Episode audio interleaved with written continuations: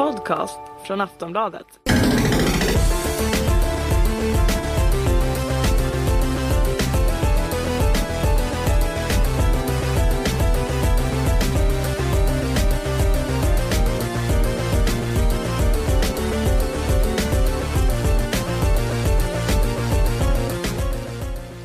Hej och välkommen till Aftonbladets spelarpodd med mig Jonas Högberg. Och Alfred Holmgren. Det här är en extrainsatt E3-podd eh, e eh, där vi ska gå igenom det eh, hetaste, det konstigaste och det kanske pinsammaste som hänt på E3-mässan i år. Och E3 är ju som bekant då spelvärldens stora spelmässa där alla de största spelen visas upp och de stora spelföretagen berättar om sina stor, storsatsningar framöver. Uh, Alfred, du, har ju, uh, du är ju på plats just nu där. Hur, ja, eh, precis. När vi spelar in det här så har E3 just stängt sina portar för i år, för bara några timmar sedan. Så jag sitter här, det är sen kväll i Los Angeles och jag är alldeles utmattad efter tre, fyra dagar fullspäckade av spel och presentationer och intervjuer och presskonferenser och demos och allt vad det har varit. Mm, härligt. Um, vi kan väl helt enkelt uh, köra av liksom vad du tyckt eh, vara bäst på E3. Ja, precis. Jag tycker att Project Morpheus var det bästa. Sonys VR-tillsats till Playstation 4. Jag antar att du är väl bekant med den sen förut, även om du inte har testat den själv. Uh, absolut, uh, Project Morpheus, precis. Uh, den, den ser ju uh, skojig ut. Mm. VR känns ju otroligt spännande just nu. Ja men eller hur. Alltså jag är i största allmänhet ganska mycket av en hårdvarutorsk. Jag tycker att det är skitspännande med nya tillbehör och nya konsoler och sådär. Det tycker jag är det roligaste på E3. Och i år var det inte så mycket sånt för att de nya konsolerna är redan ute. Ja, förutom Xbox One i Sverige då, pinsamt nog. Så då blev det upp till VR-headsetsen istället då att eh, bära den peppen. Och mm. eh, jag lyckades inte testa Oculus Rift för den kön sträckte sig runt hela mässgolvet typ. Så då hade man fått stå en hel dag tror jag. Och Valves VR-headset, jag tror inte det visades för media alls utan det var nog mer för folk i spelbranschen, utvecklare som de ville locka och sådär. Så det jag fick testa det var Project Morpheus så det är därför jag är så upphetsad över just den. Och mm. jag, fick testa, jag fick testa två demos, nämligen Street Luge och eh, The Deep. Och Street Luge är då att man åker gaturådel, jag vet inte vad det heter på svenska, men eh, man åker på någon slags, som att man ligger på rygg på en lite större skateboard och så åker man ner för en eh, trafikerad gata och genom tunnlar och sådär och under långtradare. Ganska häftigt. Men det jag tycker var allra coolast var ju det här The Deep då man sänks ner i en sån här dykarbur och eh, den bänds upp då av en väldigt aggressiv haj. Och det som var så coolt med det var att ja, men jag trodde att det coolaste med, med förlåt, VR skulle vara att eh, typ street hållet att liksom åka snabbt och alltså racingspel och liknande skulle bli skithäftiga. Men det tyckte jag inte var så coolt utan det mäktigaste var istället med eh, The Deep när man stod stilla. Det var väldigt statiskt och så kunde man liksom vända sig om i 360 grader, titta uppåt och neråt och allting. Och bara stå så i flera minuter och sen så kom den här hajen då och attackerade den. Men man själv stod hela tiden stilla. Det var jättehäftigt och närvarokänslan var helt sinnessjuk faktiskt. Mm, Okej, okay, härligt. Annars äh, så är det ju väldigt få äh, spel som faktiskt eh, visas upp till VR. Uh, känns det som i alla fall. Um, ja, men det, det, men det är inte så får... konstigt för att ingen vet ju riktigt vad som ska hända med Oculus Rift nu efter Facebook mm. ja, men efter att Facebook köpte Oculus VR, företaget bakom Oculus Rift-headsetet. Och mm. Valve är väldigt diskreta med sin egen VR-satsning. Så att uh, Sony säger ju inte ens om Morpheus ska släppas på marknaden. Det är klart den kommer göra det, det tror jag absolut. Men uh, de vill inte ens utannonsera det. Så att folk håller väl på och ser hur stort intresset egentligen är. Och från mitt håll är ju intresset enormt. Men jag vet inte ifall det räcker. ja, nej, det är verkligen jättespännande och det här att Facebook faktiskt har köpt upp Oculus Rift känns ju faktiskt eh, eh positivt med tanke på att eh, det antagligen kommer att bli mycket billigare att köpa. Ehm, Eh, nu när det ligger ett gigantiskt företag i ryggen på företaget. Ja, men just det. Men Rift hittills har ju bara sålt till så utvecklarmodeller, alltså tidiga prototyper, mer eller mindre, till Mm. ganska höga priser. Så kommer det en konsumentversion, vilket det förstås kommer förr eller senare, så måste det bli billigare. Annars kommer ju inte så många vara intresserade och då kan det ju inte utvecklas så mycket mjukvara till headsetet heller. Mm. Det är klassiskt. Ja, verkligen. Ja, men Ja. virtual reality känns verkligen som den stora heta grejen just nu. Men vad tycker du själv annars då? Om vi kollar bortom VR som inte du har haft chansen att testa. Vad tycker du? Var... Jag tycker det är intressant för att du har ju varit på hemmaplan och sett allting liksom utzoomat så att säga. Medan jag har sprungit runt och varit, haft lite tunnelseende. Bara sett enstaka grejer åt gången. Så vad tycker du har varit coolast på E3? Du som har sett mer än jag förmodligen. Ja, alltså det är ju, en, eh, det är ju en, eh, ett brett eh, spektra av spel. Eh, Jag tycker kanske framförallt att eh, Nintendos eh, visningar har varit bäst. Kanske främst för att jag fortfarande till stor del är en liten Nintendo-fanboy. Säg inte det Men- så jag ska inte säga hör. så kanske, men jag kan ju inte låta bli att älska deras färgglada och lekfulla spel som fortfarande är en sorts bjärt kontrast till mycket av det som händer på E3. Eh, och eh, då är det ju fantastiskt att få se nya Zelda till exempel som såg eh, fantastiskt ut i sin nya så här, em, eh, med sin nya öppna spelvärld. Em, det känns plötsligt som att det har blivit mer Skyrim än Zelda av det lilla vi fick se där. Men såklart, det kommer ju självklart att vara tempel säkert och eh, gåtor och klurigheter som vanligt. Men det känns verkligen jättespännande Ja. eh, med Zelda. Och eh, sen eh, är jag ju såklart jättesugen på Bloodborne som är From Softwares nya spel. From Software som gör Dark Souls-spelen till vardags. Eh, men det här är då alltså eh, Demon Souls och Dark, original Dark Souls-regissörens eh, nya projekt eh, Miyazaki. Ehm, och eh, det är ju eh, faktiskt tillräckligt för att göra mig extremt eh, upphetsad. Och sen eh, har det ju visat sig att spelet ser ganska fräckt ut. För du har ju fått se det i Ja, hur? action. Men eh, hur mycket har du sett av det hemifrån? Jag har bara sett skakiga bilder på gameplay, tyvärr. Eh, Det har inte dykt upp någon riktig gameplay-trailer från företaget utan det är någon som har liksom filmat av lite så här en dryg minut när någon spelar på en tv-skärm. Ja, men det är nog samma väl- ja. demo som jag har sett i ett hörn av ett, eh, ett av Sonys mötesrum där. Där de Mm. spelade typ 20 minuter av Bloodborne då inför inbjudna journalister. Och det var ju verkligen supersnyggt. Alltså det snyggaste PS4-spel jag sett i realtid, måste jag nog ändå säga. För Uncharted var ju bara en trailer som var, visst det ska vara i spelmotorn, men man vet inte om det var renderat i realtid och så vidare. Så att det är ett frågetecken. Men Bloodborne var verkligen skitsnyggt, det tycker jag. Och spelvärlden var ju jätte, jättehäftig. Det här eh, surrealistiskt gotiska, dimhöljda, alla tim- tinnar och torn och allt vad det var. Och väldigt eh, rått och blodigt och fuktigt och smutsigt. Och, ja, helt underbart faktiskt.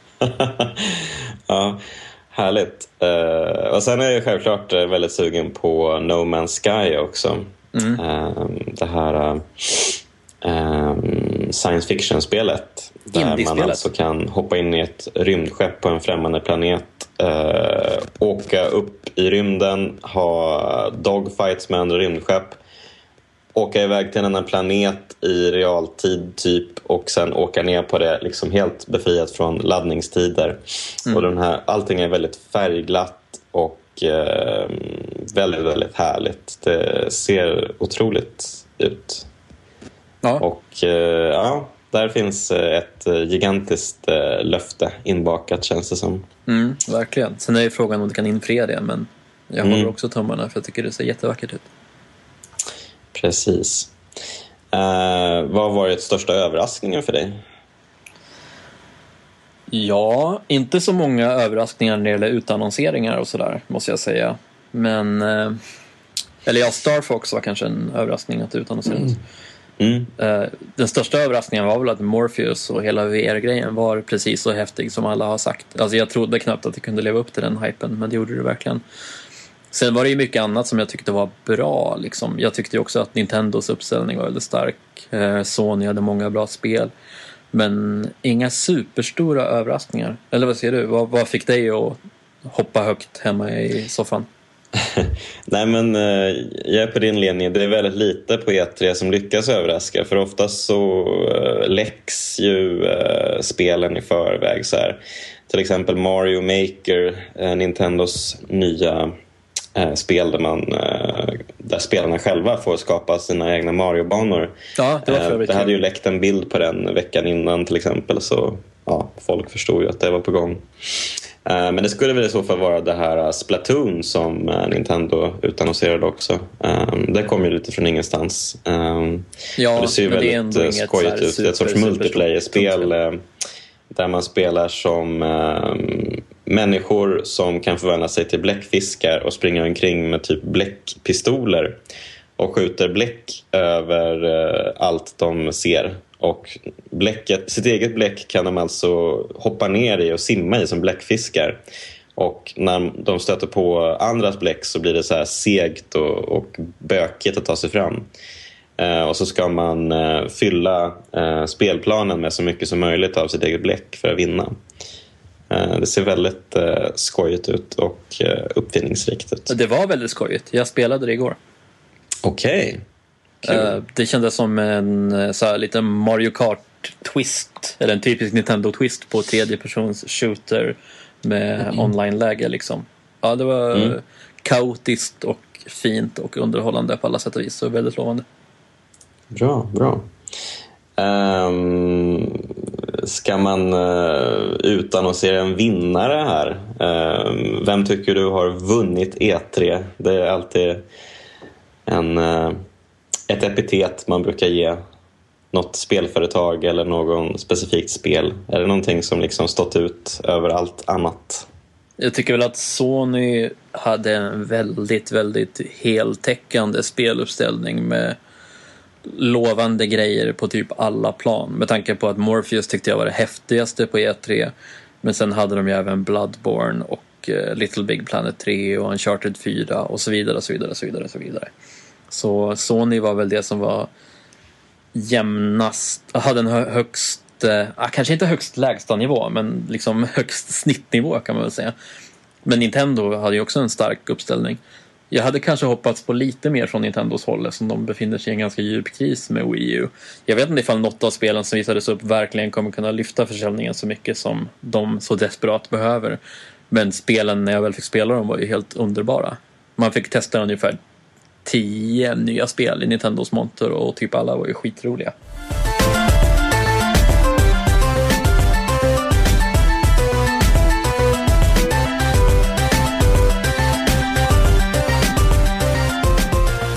Men eh, vi kanske ska prata lite om hur det är att eh, faktiskt vara på E3. För det är ju eh, inte öppet för allmänheten. Nej. Eh, det är ju bara speljournalister och eh, branschfolk som eh, får springa omkring på den här enorma anläggningen som det liksom utspelar sig i. Mm. Jag tänkte att du kan berätta lite om det, för det här är väl typ ditt tionde år på E3? Ja. Du har varit där liksom tio år på raken och mm. har enorm erfarenhet av det här. Hur funkar det liksom? Hur, hur känns det? Uh, rent praktiskt, hur funkar, hur funkar det? Hur, när du dyker upp där i Los Angeles, uh, hur går du tillväga för att liksom akkreditera dig och ta dig in på den här enorma anläggningen? Ja, ja, det är många frågor på en gång nu. Ja. vi, kan, vi kan börja från början. Alltså man akkrediterar sig hemifrån sitt hemland. Alltså man mm. skickar in en anmälan till E3-arrangörerna helt enkelt och säger hej hej, jag skriver för Sveriges största tidning och vi vill bevaka E3-mässan och så bifogar man ett brev från sin, från sin redaktör och eh, eh, skannar in sitt pass och massa andra grejer. Jag kanske inte ska avslöja allting för då kanske folk börjar skicka in så här fejkade anmälningar och säger att de ska skriva för Aftonbladet. Men så allt det är avklarat innan man kommer hit. För det hade ju varit jobbigt att komma hit och inte bli insläppt på mässan. Och de är ganska strikta med vilka credentials man måste ha för att få vara med. Det finns liksom sajter som inte blir insläppta på E3-mässan för att de inte har tillräcklig trafik och sådär. Om jag har förstått saken rätt. Uh, och sen åker man hit då. Jag kom till Los Angeles. eh, vi spelar in det här på en fredag och jag kom hit i söndags. Och eh, i måndags satte allting igång med presskonferenser och sådär. Och då var jag ganska grovt jetlaggad då. Eh, så då kastas man direkt in i det här E3-kaoset. Måndagen är presskonferenser. Det var Microsoft, Sony, Ubisoft och Electronic Arts. Och sen på tisdagen på morgonen var det Nintendos, den här Nintendo Direct sändningen mm. online då istället för en presskonferens. Och sen öppnade själva E3-mässan som är här nere i downtown Los Angeles i eh, ett jättestort eh, ja, men Los Angeles svar på Stockholmsmässan eller vad man nu vill jämföra det med. Mm. Och sen är det då tre dagar eh, tisdag, onsdag, torsdag då E3-mässan är öppen. Eh, då man springer runt i de här mässhallarna och det är säkert hundratals montrar för olika spelföretag fördelade mellan två väldigt stora mässhallar. Och mellan dem är det en massa mötesrum och ovanpå dem är det en massa mötesrum på våningen ovanför. Och så har man liksom försökt boka in så mycket kul som möjligt i förväg. Alltså man kan ju gå runt fritt och testa spel och sådär men då innebär det att man får köa till varje grej.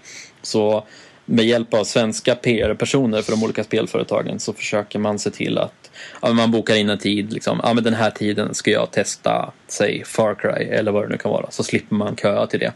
Och så bokar man även in en massa intervjuer och demonstrationer bakom stängda dörrar som inte alla har tillgång till.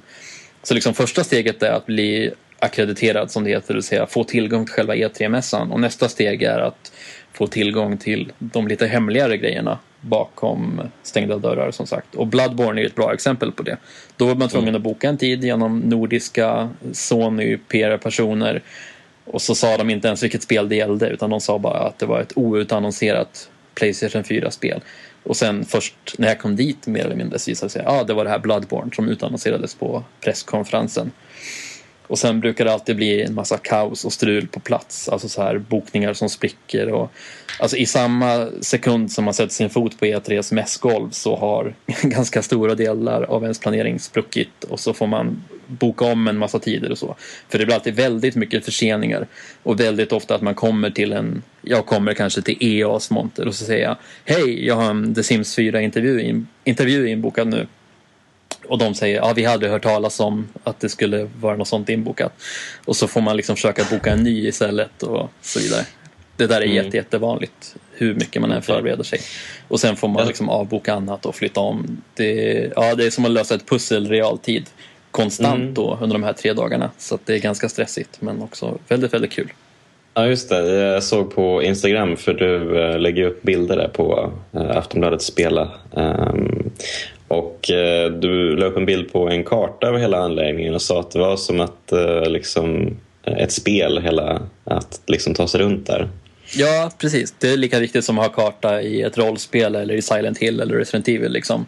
Ja. Att, eh, det är två mässhallar, västra och södra heter de. Och man måste hela tiden hålla koll på hur långt det är mellan de olika montrarna så man verkligen hinner till de tider man har bokat. För att det tar liksom kanske fem minuter att promenera mellan mässhallarna. Och sen är det då ett myller av mötesrum på andra våningen ovanför allt det här. Så att logistiskt och schemamässigt så är det verkligen ett kaos. Eh, jag förstår att det kanske ser väldigt roligt och lättsamt ut just på Instagram-bilder och sådär. Att man bara går runt och testar spel och snackar med spelskapare, träffar sina idoler liksom. Men mm. eh, ja, det är mycket att hålla i huvudet samtidigt. Det blir ganska svettigt faktiskt. Ja, eh, jag förstår det. Hur är det med... Det har ju pratats eh, mycket genom åren om eh, de här svulstiga presentationerna och så här booth babes som typ eh, ehm, journalister och eh, svettiga amerikanare liksom får stå och posera med. Finns, är sånt eh, vanligt fortfarande? Jag såg Booth Babes i kanske tre tillfällen på den här mässan. Och första gången jag var på E3 för tio år sedan då så var det nästan överallt. Så att det har verkligen försvunnit i takt med att branschen har blivit mer och mer liksom medveten om att sexism det kan vara ett problem och det är inte alla journalister som tycker att det är jättekul att posera med bikinibrudar liksom, utan många är mm. där för att jobba helt enkelt. Så svulstigheten är nog intakt annars. Alltså det är väldigt, väldigt högljutt och det är mycket scenshower och det är väldigt spektakulärt. Liksom. De slåss ju verkligen om ens uppmärksamhet. Men om man har ett fullbokat schema, vilket man har om man har gjort sitt jobb i förväg, så spelar ju det ingen roll. Alltså jag går ju inte till, säg Ubisoft-montern för att de har en DJ som står och spexar liksom, utan jag går ju till det möte jag har inbokat och ja, tar hand om det jag ska göra där istället. Vilket har varit det roligaste båset då? Uh, Nintendo måste jag nästan säga, men det är för att jag tycker att spelen var roligast att spela där. Mm. Jag tycker alltid att det är väldigt kul att komma till Nintendo-montern för att, som du sa, det är en intressant kontrast till allt det mörka och blodiga och inom citattecken vuxna på resten av E3. Nintendo där är ju alltid, för att dra en klyscha, det är alltid spelglädjen i fokus liksom. Och ibland träffar det snett men jag tycker att det brukar vara väldigt vilsamt att komma dit och köra lite så här eh, nostalgiska, färgglada, härliga spel utan krusiduller liksom. ja, jag håller med. Ja, men det är liksom en liten oas.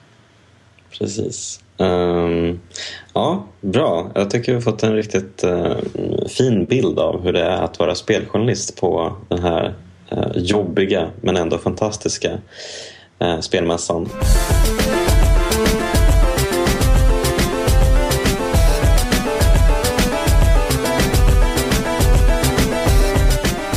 Ska vi kanske ta ner folk på jorden lite och diskutera lite om de lite sämre sidorna kanske eller liksom vad vi tycker har varit eh, sämst helt enkelt på årets E3. Mm. Um, vad tycker du har varit sämst? Ja, jättebra fråga. Det är mycket som inte är sådär jättekul liksom. Jag menar alla spel som släpps är ju inte bra. Men nästan alla spel som släpps visas upp på E3 om du hänger med i resonemanget. Så mycket mm. av det som visas på E3 kanske ser kul ut i en trailer men liksom ganska stor procentandel blir ju inte jättebra spel sedan utan det är mer undantagen som faktiskt lever upp till hypen. Så ja, men ett spel som jag inte blev imponerad av är det här Sunset Overdrive och där vet jag att du håller med mig. Alltså jag gillar verkligen mm. varken eh, grafikstilen det här lite japanska färgglada fast det är då amerikanska Insomniac som har gjort Ratchet Clank och Resistance-spelen. Det är de som har utvecklat det tycker grafikstilen är rätt töntig och eh, jag körde eh, lite multiplayer och det var väl halvkul och väldigt stökigt och väldigt mycket visuella effekter och sådär. Men ah, mm. jag tror inte att det kommer bli någon större succé faktiskt. Nej, det kändes väldigt oinspirerat. Som att vi har sett det många, många gånger förut. Ja, och det var ändå ett av Microsofts liksom största trumfkort tillsammans med, med till exempel Forza, nya Forza Horizon 2. Så att eh, jag blev väl inte superknäckt av det Nintendo, eller förlåt, Microsoft hade att visa upp. Nej, men det är ju väldigt mycket uppföljare överlag på E3. Eh, det här är visserligen ett helt nytt spel men eh, många av spelen känns ju som att man eh, sett förut både en, två, tre, fyra och 500 gånger.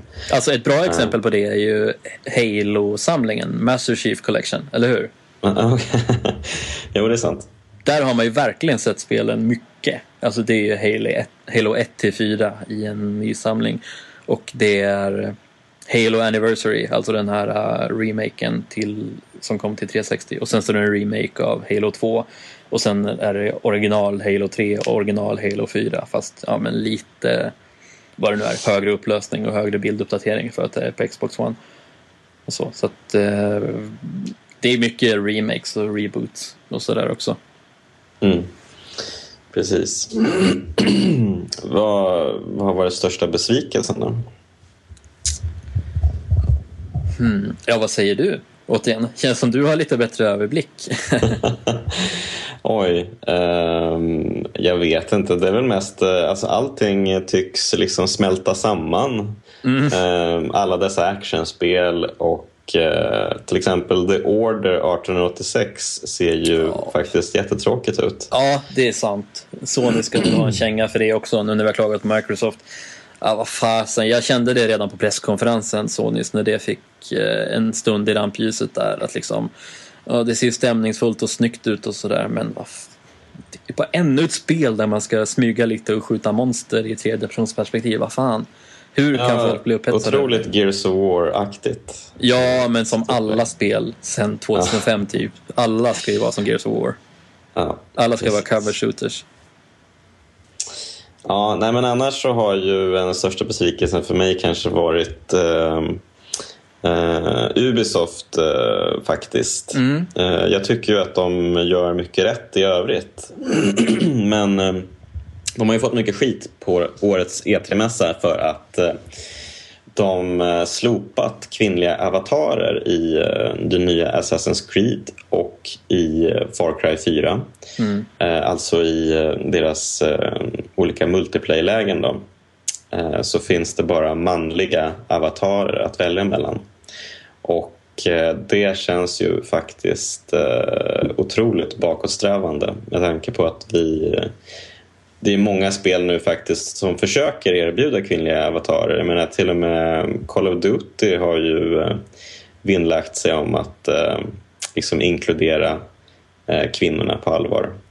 Då känns det ju som ett steg bakåt nu att Ubisoft pekar på att nej men det tar för lång tid att designa kvinnliga avatarer också. Det är ju ett jävla bullshit-argument. Eh, speciellt med tanke på att eh, de här två spelen har enorma spelbudgetar. Och de har hur många som helst som jobbar på dem. det hade tagit dem, eh, liksom, de hade kunnat sätta två pers eh, på det så hade det varit klart på några veckor tror jag. Det behövs inte mycket mer jobb än så. Eh, och eh, jag menar, med tanke på den backlash de har fått nu så hoppas jag att de eh, tänker på det här till framtiden.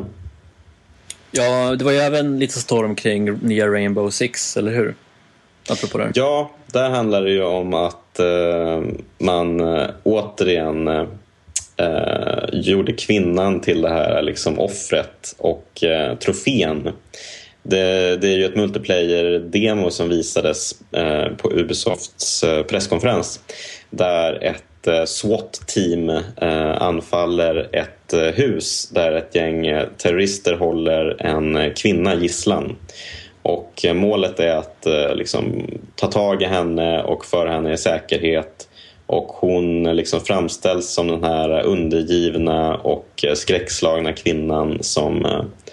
eh, ja, hon- blir liksom en sorts trofé där. Liksom.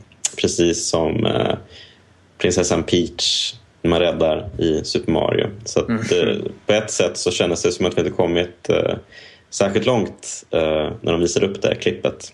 Det är jättekonstigt. Apropå det som att bootbabes och sånt har minskat på E3. Att ett jätteföretag som Ubisoft fortfarande kan trampa så snett. Och eh, apropå det här, det är lite lustigt eh, som jag nämnde att journalisterna på plats, vi har ju ofta ganska begränsad bild av vad som händer på E3. Vi ser ju bara vissa saker. Så jag träffade en svensk journalist som hade sett nya Rainbow Six och var jätteimponerad. Och så sa jag, ja men vad tyckte du då om det här, det som det har stormat om, det här med den, eh, den här kvinnan som skulle räddas i multiplayer-läget. Och han bara, nej det känner jag inte till. Aldrig hört talas om ungefär. Så att liksom även det som det stormar mest kring, det kan gå oss helt över huvudet. Här borta, vi som är på plats och ja, har annat Ja, det- att tänka på ibland. Precis, det ska väl sägas också att eh, Ubisoft, eh, jag menar i spelet så kan man säkert kunna rädda eh, alla möjliga typer av människor. Det tror jag säkert att man liksom barn och män också kommer vara liksom så här, åh du måste rädda dem och så här. Men det är ju det att de just väljer att visa just räddandet av en vänlös kvinna i det här demot som rönt så mycket negativ uppmärksamhet. Ja, men det är sjukt otaktiskt, måste man säga. Men om vi kollar på så här rena pinsamheter i övrigt. eh, Presskonferenserna, det är väldigt populärt att hacka på dem och tycka att så här, de stora spelcheferna gör bort sig när de ska stå och vara lite tjenis med alla hardcore gamers där ute. Liksom och så. Tycker du att det har varit några solklara klavertramp på den fronten i år? De har ju inte varit lika roliga ehm, som tidigare år. Eh, det finns ju många klassiska ehm, ögonblick från E3-mässorna genom åren. Eh, bland annat eh, när Sony-chefen eh, går ut och skriker Ridge Racer inför, Cassie Rai, en, eh, ja, inför allihopa. Och eh, låter som en liten eh, pojke på fem år ungefär. Ehm, det har ju resulterat i många, många memes, um, internet-memes. Men även Men, det här eh, One Million Troops, du vet han Tak Fuji ja, på... Mm. 99 Nights va? Ja, precis. Uh, eller 99 Nights 2, för att vara ah, exakt. Det. det var väl 2006 eller 2007 på E3 mm. när han eh, på väldigt dålig engelska, den här japanska utvecklaren, stod framför en liten presskonferenspublik. Det var ju en ganska liten presskonferens då, men det har ju verkligen blivit en YouTube-klassiker med ja, att det ska vara one million troops i det här spelet och många andra väldigt märkliga, märkliga så här Ingrish-snedsteg i hans lilla presentation där.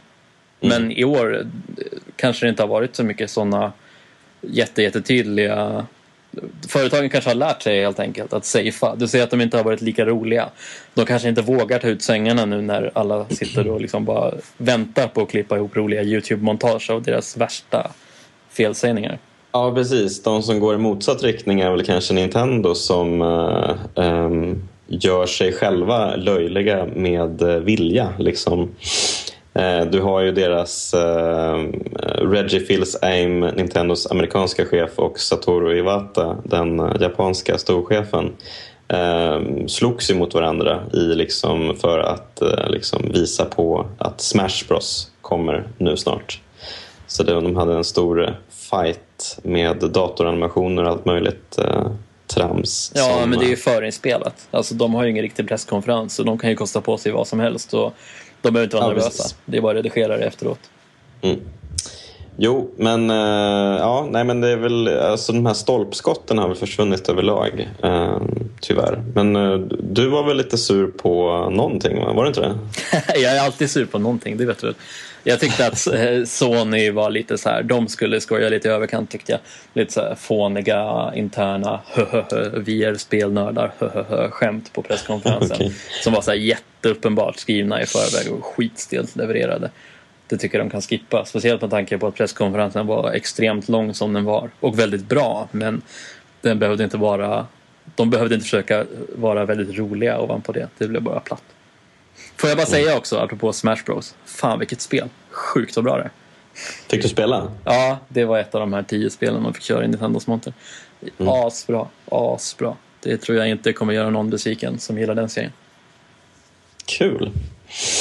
Ja, det känns som att Nintendo har en del eh, fint på gång. Men eh, får se om det räcker för att eh, vända eh, Wii U-försäljningen. Precis, men du lär väl köpa några hundra konsoler bara för att kunna spela Bayonetta 2 var du än befinner dig i världen. Ja, i och för sig. Um, det, ja, tyvärr så tror jag inte att det kommer sälja några konsoler direkt. Det kommer nog uh, försvinna i uh, Eh, etern ganska snabbt. Lite ja. som uh, Wonderful 101. Det var ju ganska uh, uppfinningsrikt och spralligt men det sålde väl typ två exemplar totalt. och, ja, men Bayonetta 2 kommer, tror jag kommer sälja åtminstone tre exemplar. Ja, det kommer sälja mer, absolut. Men ja, jag tror inte att det kommer hjälpa Wii U-försäljningen särskilt mycket, tyvärr. Jag Men det är ju kul att, att man får med ettan på köpet. Det är ju fint. Ja, eller hur. Och eh, tvåan känns ju väldigt, väldigt lovande också. Däremot så tror jag inte Mario Maker, alltså jag tror Bayonetta 2 kanske kommer sälja några konsoler i alla fall. Men Mario Maker är jag lite mer osäker på. För det är sånt, jag vet inte hur många där ute som sitter och bara åh, jag önskar att jag kunde göra egna Mario-banor. För folk som har den driften, de har ju redan moddat ihop sina egna banor i något decennium nu liksom. Och fått utlopp för sin kreativitet på det sättet. Mm. Så i och för sig, alltså så här Little Big Planet-publiken som vill på ett enkelt sätt kunna bygga egna små plattformsspel, för dem blir det väl jätteroligt. Och jag, som sagt, jag fick testa det och jag tyckte det var jätte, och så. Men det känns inte heller som en konsolsäljare. Kanske Star Fox då, med tanke på att många har gått och väntat på det. Ja, vi får se. Ehm, de få som fått eh, spela Star Fox, de hade ju en liten visning innan E3 uppenbarligen. Ehm, var väl inte jätteövertygade det kändes lite konstigt uppenbarligen. Um, det ska men, ju vara en äh, ganska innovativ kombination av så här, eh, rörelsekontroll och knappar och spakar vad jag förstår. Mm, precis. lite, lite som en egen flygkontroll framför liksom, tv-skärmen. Mm. Men Splatoon uh. hade faktiskt också en sån lösning att man styrde kameran men bara i höjdled genom att vinkla Wii U-kontrollen. Så man höll den liksom mm. riktad rakt framåt medan man spelade och så riktade man den uppåt och neråt. Men med okay. högra spaken styrde man kameran i sidled, vilket var så svårt att få grepp om i början. Men ah, okay. ja, ganska precis i alla fall, så jag tror säkert att det blir jätte, jättebra när man väl vänjer sig. Ja, de försöker i alla fall Nintendo. Ja, eller hur? Det får man verkligen ge dem på den här mässan. Mm. Återigen, mm. De, de, det känns inte som att de safear. Och de hade ju kunnat utannonsera ett Metroid och de hade kunnat visa Star Fox helt öppet för alla och bla bla bla. De hade mm. kunnat göra mycket mer för att verkligen sälja konsoler och bygga så mycket hype som möjligt. Men man får väl ge dem ära och heder för att de satsar på nya kreativa idéer istället. Mm, och kanske också att de faktiskt verkade... Alltså det var ju många Eh, efter deras visning som bara åh kolla det var bara kvinnliga avatarer i Splatoon-visningen. Och eh, Link, är det verkligen Link eller är det en tjej? Åh, vad är det som händer med Nintendo? Men sen efterhand har det visat sig att nej, det var Link. Han hade bara lite mer feminina drag liksom. Och eh, Splatoon kommer ju säkert ha pojkar också. Ehm, vilket ju Eh, ja, alltså det är ju det är bra såklart. Men det är ju kul att Nintendo väljer att visa liksom, de kvinnliga avatarerna främst i trailern. Ja men precis. Nintendo som ju känts för att vara ett ganska konservativt företag. Att, att mm. de framstår som mer progressiva än Ubisoft, det är ju imponerande antar jag. Eller deprimerande beroende på hur man ser det.